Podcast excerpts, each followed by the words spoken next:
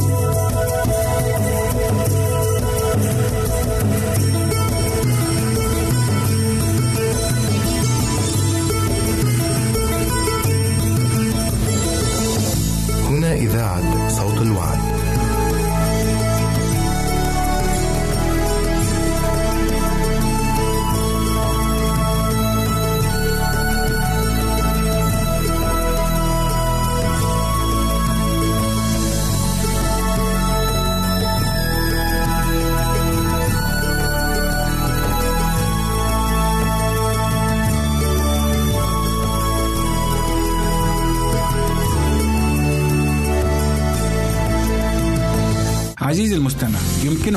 مراسلتنا على البريد الإلكتروني التالي Arabic at awr.org العنوان مرة أخرى Arabic at awr.org ونحن في انتظار رسائلك واقتراحاتك.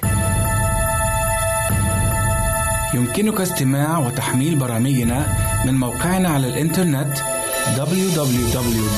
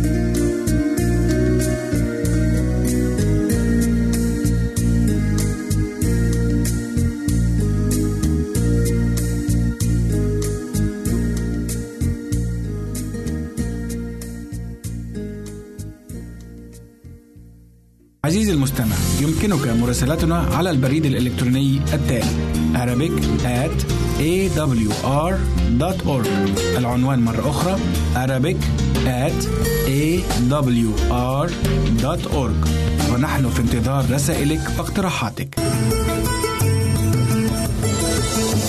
هنا إذاعة صوت الوعد.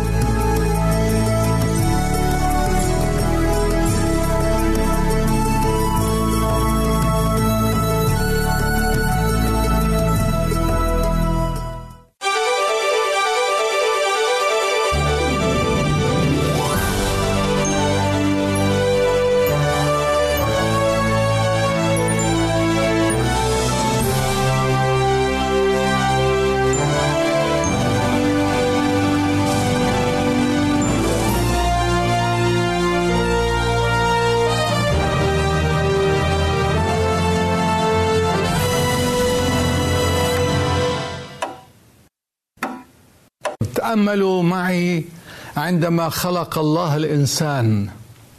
خلقه يقول الكتاب المقدس على صورته وعلى مثاله. وقال هو ذا الإنسان صار كواحد منا. الرب أعطى الإنسان لا فقط الشكل بل أعطاه العلم والمعرفة أيضا. لكن بعد التعدي الإنسان خسر الكثير من المعرفة.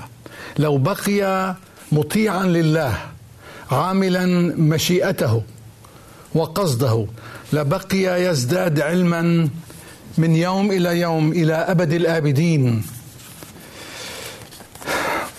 الإنسان لم يخسر كل المعرفة مع أنه عاش في جو آه، فيه المرض فيه الخوف فيه الموت لكن الله لم يأخذ منه كل المعرفة والحكمة.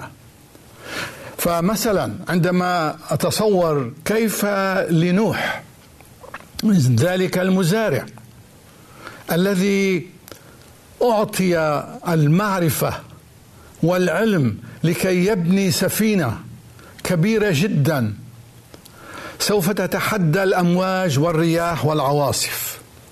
وأيضا آه، في الهيكل عندما الله طلب منهم أن يبنوا الهيكل نرى انه قد أعطى الإنسان آه، معرفة. هنا هذه الآيات تقول والله ملأ ذا هؤلاء الناس من الحكمة والفهم والمعرفة وكل صنعة الاختراع اختراعات آه، ليعمل في الذهب والفضة والنحاس ونقش حجارة لتصيع ونجارة الخشب.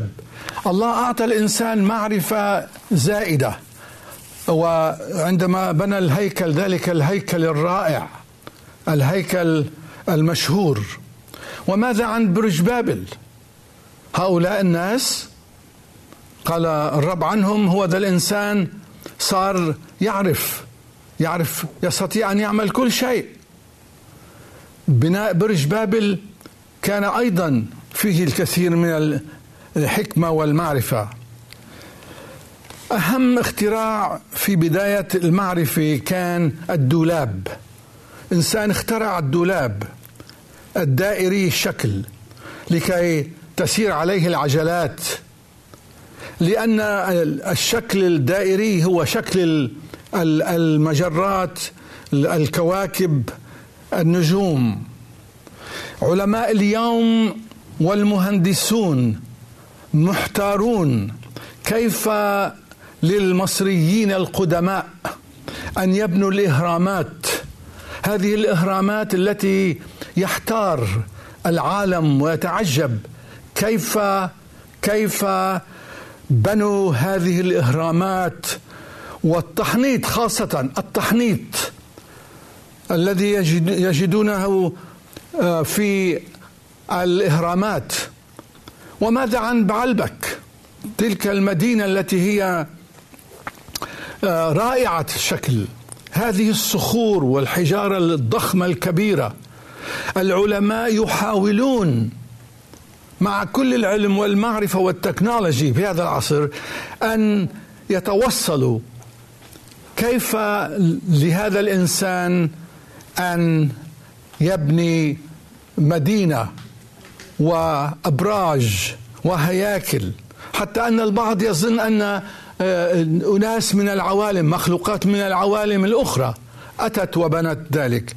آه، هناك في أمريكا اللاتينية المايا المايا في أمريكا الشمالية. أيضا آه، تركوا اثارا رائعة رائعة جدا. يقولون حتى الإنسان اليوم بعد ستة ألاف سنة يقولون أنه كان أذكى من إنسان اليوم. وربما نتساءل بد... إنسان القديم كان بعده يمشي على آه، يستعمل العربات الخيل ويستعمل الأشياء البسيطة البدائية. واليوم في هذا العصر يستعمل التكنولوجي والعلم والمعرفة. عقل الإنسان أيها الأعزاء هو كمنجم من ذهب. كان آه، ثابتا باقيا. لكن في المدة الأخيرة انفجر. ولقصد سماوي ولغاية إلهية الله استعمل ذكاء الإنسان وعقل الإنسان لصالحه ولمجد اسمه أيضا. نقرأ في دانيال أيضا هذه الكلمات. كيف تنبأ دانيال من من سنين؟ طويلة. تنبأ وقال في الإصحاح الثاني عشر يقول والفاهمون يضيئون كضياء الجلد. فهم المعرفة. والذين ردوا كثيرين إلى البر كالكواكب إلى أبد الدهور. أما أنت يا دانيال فاخفي الكلام واختم السفر. إلى وقت النهاية. كثيرون يتصفحونه والمعرفة تزداد. المعرفة أيها الأعزاء ازدادت بشكل سريع جدا. حتى دانيال نفسه عندما كتب هذه النبوات عن المستقبل لم يكن يعرف تماما ماذا سيحدث. ولو قام دانيال اليوم وشاهد ما في العالم من اختراعات على الأرض وفي الفضاء وفي أعماق الأرض لتحير. المعرفة تزداد. هكذا الكتاب المقدس. زيادة المعرفة لماذا؟ لماذا ازدادت المعرفة؟ لابد أن لله يد في ذلك. لمدة آلاف السنين الماضية صار الإنسان على خط مستقيم. ولكن بأمر إلهي ومن حوالي 150 سنة انفجر عقل الإنسان وقفز الإنسان قفز الإنسان وبأمر إلهي وبدأ في الارتفاع بداية الاختراعات السفن. العجلة كانت كما قلت الحيوانات التي كانت تجرها لكن اخترع الإنسان من الطبيعة قوة من البترول القطار البخاري. ثم بعد ذلك وفجأة الكهرباء وكان يسمى ذلك الوقت عصر النور. كما تعلمون عندما كنا صغار في بداية القرن الماضي كنا ندرس. كنا ندرس على الشمعة على الأنديل. لكن اليوم الإنسان صار في عصر العلم عصر الفضاء. اختراع المطابع. المطبعة بدأت تطبع الكتب. ولماذا؟ لماذا الله أعطى الإنسان المعرفة لكي يخترع المطبعة. لماذا؟ لكي تطبع كلمة الرب الكتاب المقدس. لكي يطبع إلى لغات ولهجات.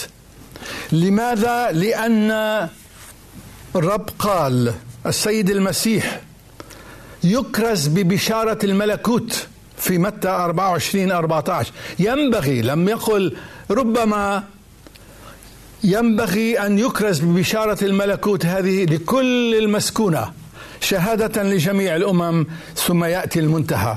وأيضا نقرأ في الكتاب المقدس آه، في رؤيا. في الرؤيا يقول هنا ثم رأيت ملاكا آخر طائر في وسط السماء معه بشارة أبدية. ليبشر الساكنين على الأرض وكل أمة وقبيلة ولسان وشعب. قائلا بصوت عظيم خافوا الله وأعطوه مجدا لأنه قد جاءت ساعة دينونته. خافوا الله وأعطوه مجدا. ينبغي أن يبشر بالإنجيل برسالة المسيح رسالة الخلاص ورسالة الرجاء المبارك إلى كل أمة وقبيلة ولسان وشعب. لذلك الرب أعطى الإنسان المعرفة لكي يطبع الكتاب المقدس ويوزع ويوزع في كل لغات العالم. لكن هناك قوة أيها الأعزاء لا المطابع ولا التلفزيون ولا الراديو ولا أي شيء يستطيع أن يحمل ويكمل رسالة المسيح للعالم إلا بواسطة الروح القدس. كيف؟ أنا أؤمن من أعماق قلبي كما قال الكتاب المقدس هنا. ويكون بعد ذلك أني أسكب. هنا يتكلم عن آخر الأيام. في سفر يوئيل الإصحاح الثالث والعدد 28 ويكون بعد ذلك أني أسكب روحي على كل بشر فيتنبأ بنوكم وبناتكم ويحلم شيوخكم أحلاما ويرى شبابكم رؤى. الله وعد أنه سيسكب من روحه. لأنه لا بالقوة ولا بالقدرة لا بالعلم ولا بالتكنولوجي بل بروحي قال القدوس. الله سيسكب روحه على كل بشر. أنا عندي كل القناعة أن هذه النبوة وهذا الوعد ليس لأمة واحدة ولا لدين ولا لطبقة من الناس بل حتى الذين لا يعرفون القراءة سوف يأتي الروح القدس إلى كل بشر بدون استثناء لكي يذكرهم لكي يعلمهم. بأنه يوجد إله عظيم خالق السماوات والأرض. هو الذي خلق الإنسان. هو الذي فدى الإنسان من الخطيئة.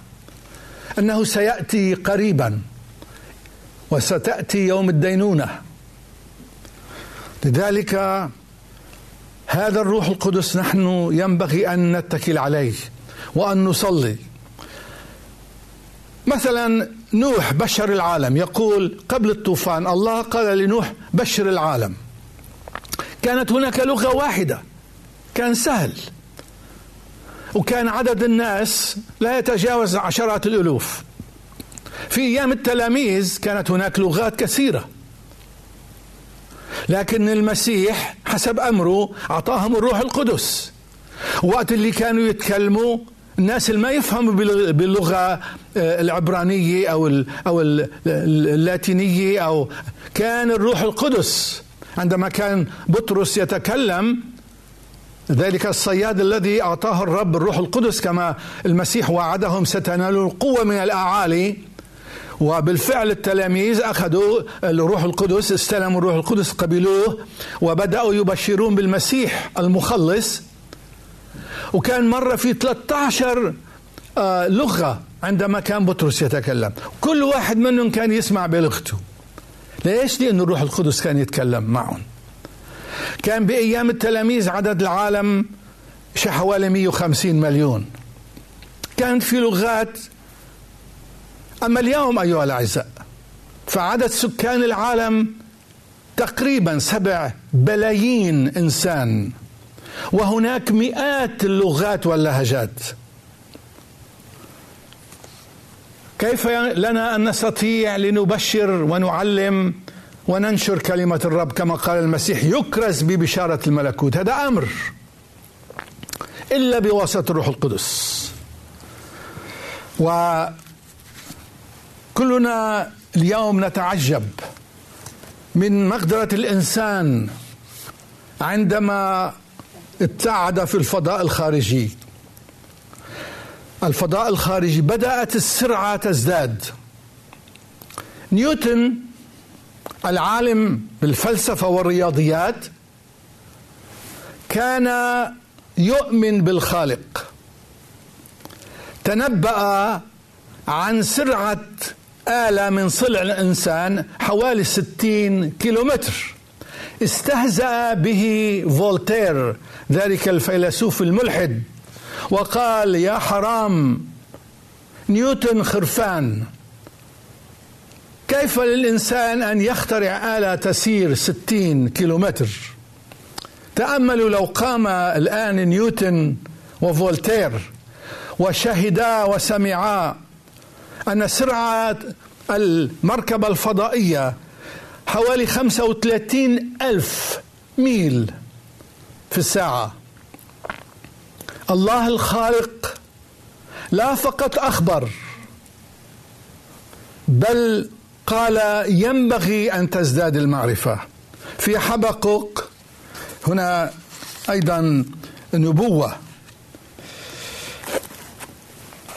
الله أعطى الإنسان المعرفة لكي ينشر الكلمة والمعرفة عن عن الله لا فقط عن العلم وعن الرياضيات وعن الهندسة والأشياء. لأن الكتاب المقدس يقول فأجابني وقال اكتب الرؤيا وانقشها على الألواح لكي يركض قارئها لأن الرؤيا بعد إلى الميعاد وفي النهاية تتكلم ولا تكذب. إن توانت فانتظرها لأنها ستأتي أتيانا ولا تتأخر. لأن الأرض تمتلئ من معرفة مجد الرب كما تغطي المياه البحر.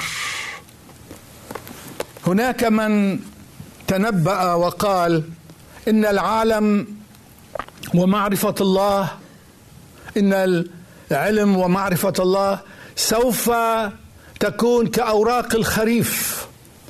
في كل مكان. واليوم نرى ملايين المطابع تطبع كلمة الرب وتشاركها مع الآخرين.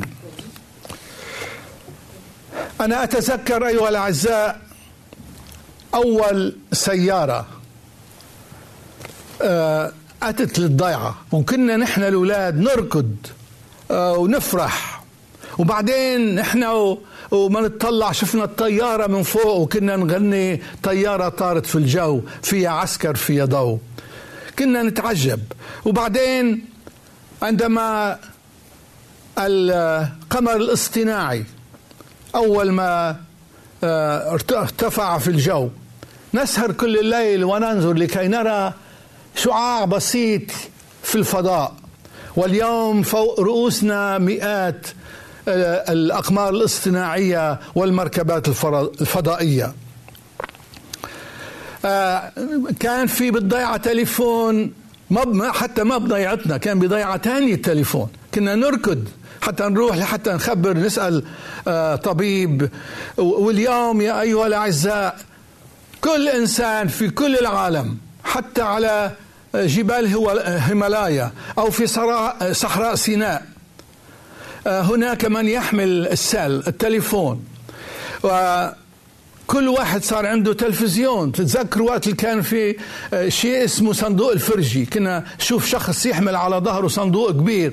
ويجي نطلع هيك في إزازي ويقول هذا هذا عنتر وهذا آه، ليلى وهذا فلان. واليوم كم عندنا تلفزيون بالبيت؟ كم عندنا هاتف؟ نحن أيها الأعزاء نعيش في عصر العجائب والغرائب. لو قام القديس بولس لو قام الأب إبراهيم وشاهدوا ما شاهدوا لابد سيقولون العالم في نهايته. نشكر الله أيها الأعزاء من أجل العلماء من أجل المعرفة. الله أعطاهم هذه المعرفة لقصد لتتميم قصده. اليوم كما ترون الإنسان يستعمل التكنولوجي في هذه المحطة الوعد. لكي ننشر كلمة الرب نشارك العالم بخلاص المسيح ونخبرهم أن عن الرجاء المبارك. الإنسان اخترع الذرة. هذا شيء رائع أيضا. يستعمل للطب يستعمل للأشياء العلمية الكمبيوتر الفيسبوك هز العالم وغير وجه العالم. موجود في حوالي 170 دولة في العالم. لكن هذه الاختراعات أيها الأعزاء التي الله أعطى الإنسان المعرفة تحولت إلى ضرر تحولت إلى خطر. ونرى أن هناك نبوة في أشعياء 24 خمسة الأرض تدنست تحت سكانها لأنهم تعدوا الشرائع غيروا الفريضة نكسوا العهد الأبدي. لذلك لعنة أكلت الأرض وعقب الساكنون فيها. ارتفاع درجة الحرارة بسبب الاختراعات الحديثة. التلوث الرهيب الذي يحدث بسبب السيارات والمعامل أعطى حرارة عالية بالفضاء. مما أدى إلى ذوبان الثلوج في القطب الشمالي والجنوبي. وبدأت الثلوج تذوب بسرعة هائلة مخيفة حتى أن مياه المحيطات ترتفع ارتفعت. ويقال بأن هذا الارتفاع سيؤدي إلى كوارث على الشواطئ. عندما تأتي السنامي التلوث المخيف أثر على الهواء فصار ملوث بسبب السيارات وبسبب المعامل. هناك أيضا سيول هائلة في مناطق كثيرة حرائق. السبب هو أيضا ارتفاع درجة الحرارة.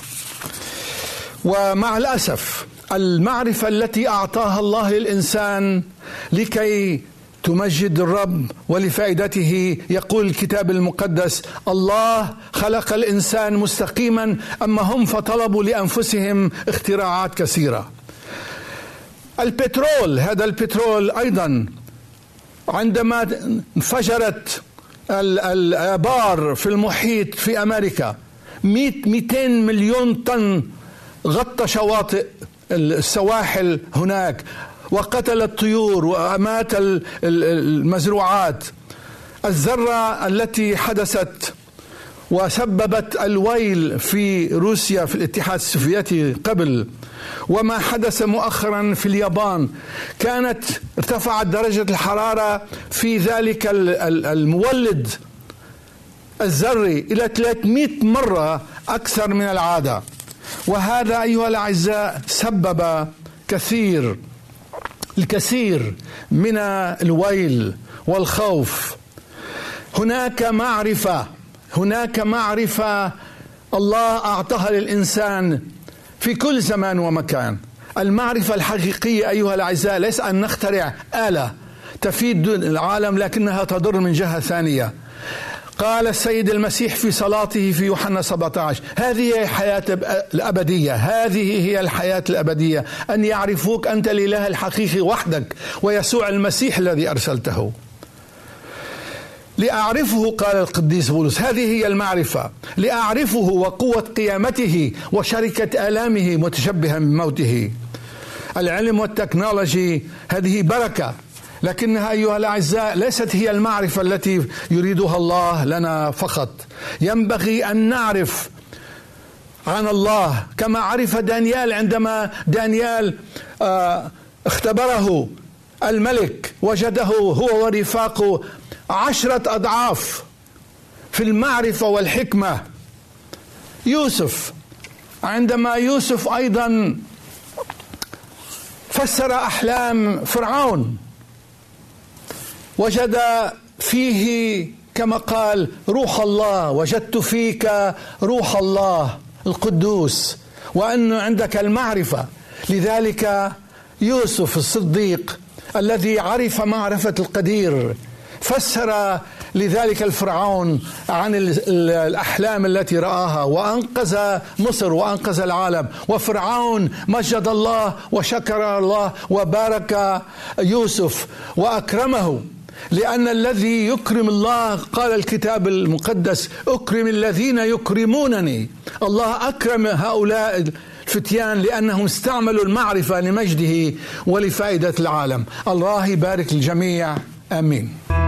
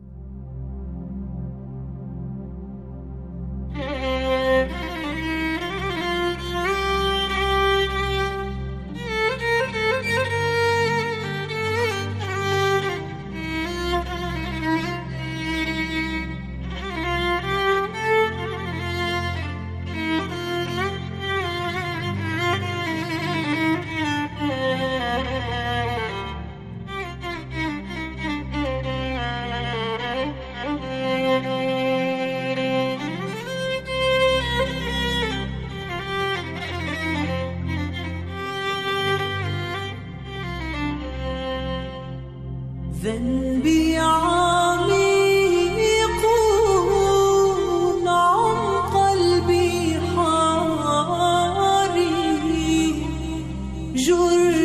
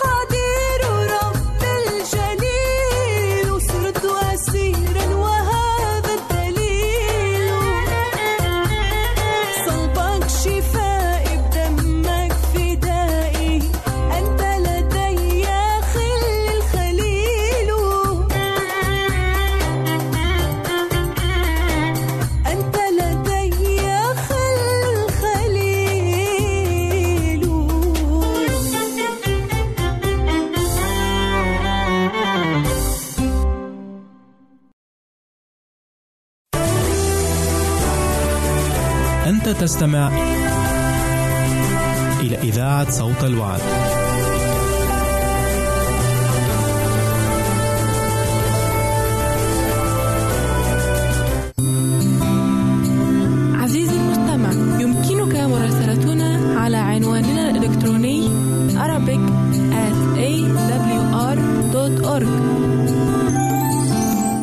نرحب بكم أعزائنا المستمعين في حلقة جديدة من برنامج دنيا الأدب. سنتحدث فيها عن الشاعر حافظ إبراهيم. راجية لكم قضاء أمتع الأوقات.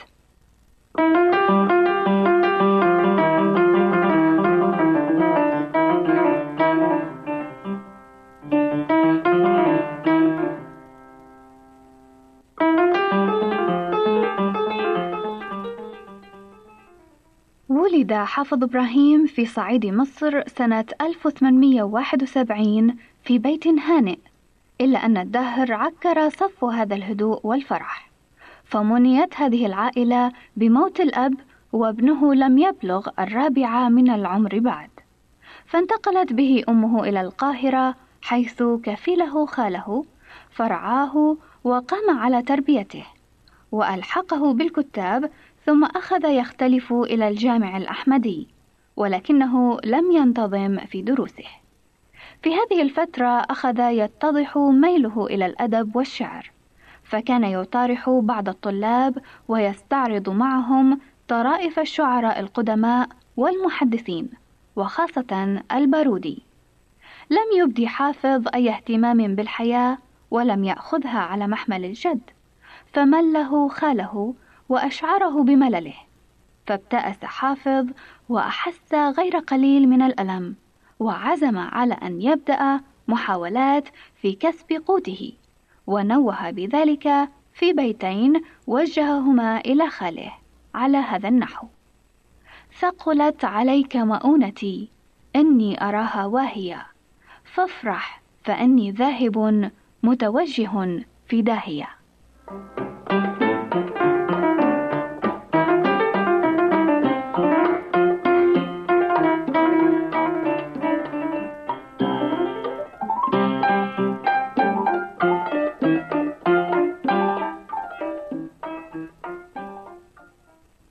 توجه توا بعد ذلك إلى المحاماة وكأنما أغرته بها ذلاقة لسانه وحسن منطقه فالتحق بمكاتب بعض المحامين إلا أن القلق عوده وفجأة نراه راحلا إلى القاهرة ليلتحق بالمدرسة الحربية وينتظم بين طلابها ويتخرج فيها سنة 1891 وبين وزارة الحربية والداخلية يمضي حافظ بضعة سنين ليعود بعدها إلى الحربية ويدعى لمرافقة حملة إلى السودان. ثم اشترك في ثورة كتب لها الإخفاق فأحيل على أثرها إلى الاستيداع ثم طالب بإحالته إلى التقاعد ولكنه لم يلبث أن عين رئيسا للقسم الأدبي في دار الكتب المصرية.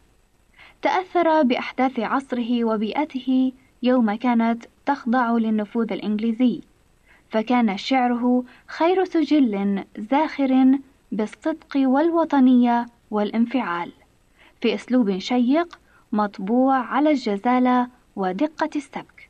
وقد عاصر أحمد شوقي وخليل مطران ولقب بشاعر النيل.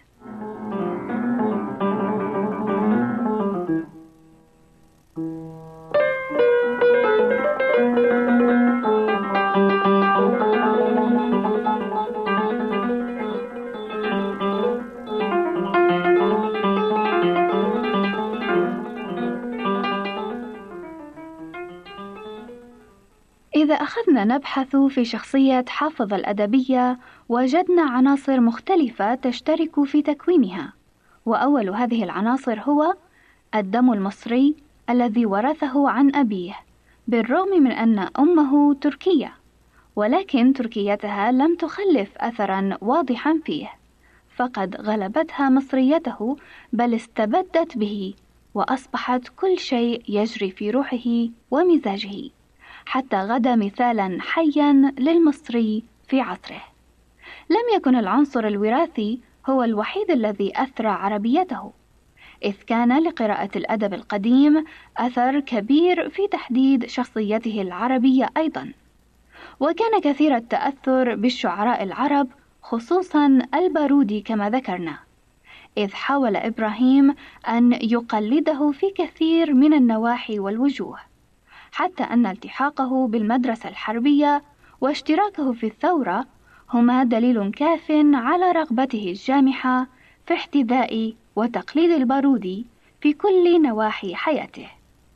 أما العنصر الثالث والمهم في تكوين شخصيته الأدبية هو عنصر بيئته المصرية الاجتماعية، وقد كان عنصرا مركبا، فهو من جهة نشأ في طبقة وسطى ودعته ظروف الحياة إلى أن يحس آلام الشعب وما ينطوي فيها من بؤس وفقر وشقاء.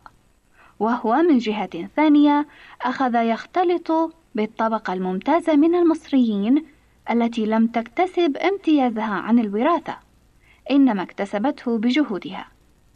إن نشأة حافظ في الطبقة الأولى واختلاطه بالطبقة الثانية طبعا شعره بطوابع قوية بحيث أصبح شاعرا مصريا تاما.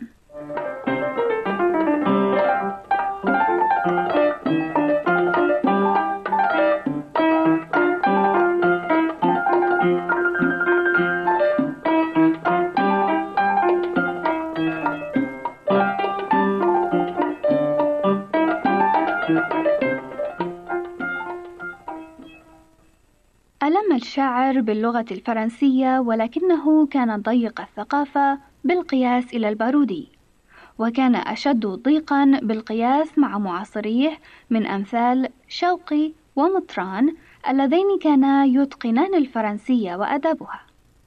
أما هو فكان محدود الثقافة واضطرته إلى ذلك ظروف مادية قاسية. ولكن بالرغم من ذلك فقد استطاع أن يترجم بعض آثار اللغة الفرنسية مثل البؤساء ومختارات لروسو. كما أسهم مع خليل مطران في ترجمة كتاب موجز الاقتصاد. وخلف ديوانا شعريا حافلا بالمديح والهجاء والخمرة وما إليها. بالإضافة إلى الموضوعات المستخدمة في عصر النهضة والمناسبات السياسية والاجتماعية التي مرت على مصر والبلاد العربية المجاورة.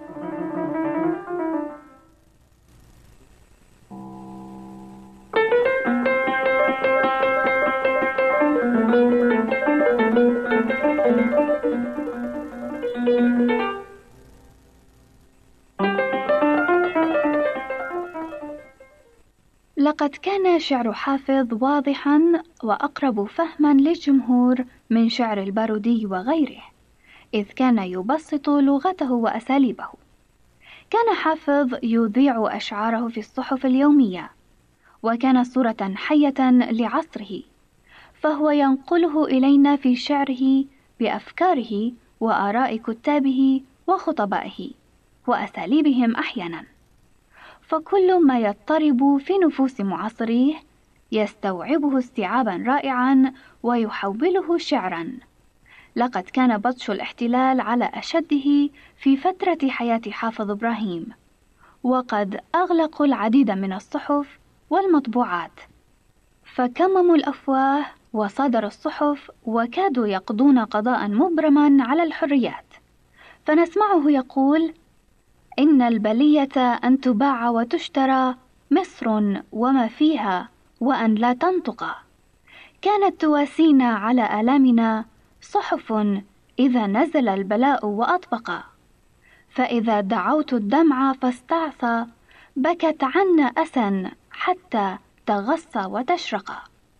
كانت لنا يوم الشدائد أسهما نرمي بها وسوابقا يوم اللقاء. كانت صماما للنفوس إذا غلت فيها الهموم وأوشكت أن تزهق. كم نفست عن صدر حر واجدي لولا الصمام من الأسى لتمزق. ما لي أنوح على الصحافة جازعا ماذا ألم بها وماذا أحدق قصوا حواشيها وظنوا أنهم أمنوا صواعقها فكانت أصعق. وأتوا بحاذقهم يكيد لها بما يثني عزائمها فكانت أحذق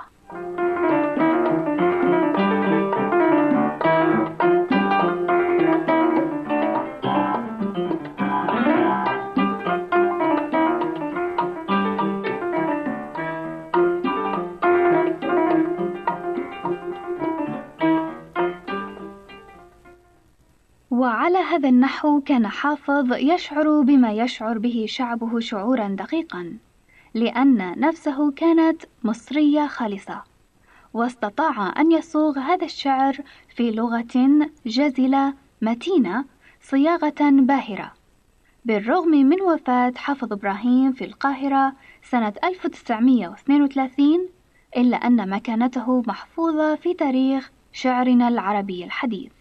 خصوصا أنه قد تبوأ وحظي بأسمى منزلة في تاريخ شعرنا الحديث. آمل أيها الأعزاء أن تكونوا قد استمتعتم بحلقة هذا اليوم التي دارت حول الشاعر المصري حافظ إبراهيم. حتى الأسبوع القادم تقبلوا مني هنا سليم أجمل التحيات وإلى اللقاء. عزيزي المستمع يمكنك مراسلتنا على عنواننا الإلكتروني Arabic at awr.org عزيزي المستمع يمكنك مراسلتنا على البريد الإلكتروني التالي Arabic at awr.org العنوان مرة أخرى Arabic at awr.org ونحن في انتظار رسائلك واقتراحاتك.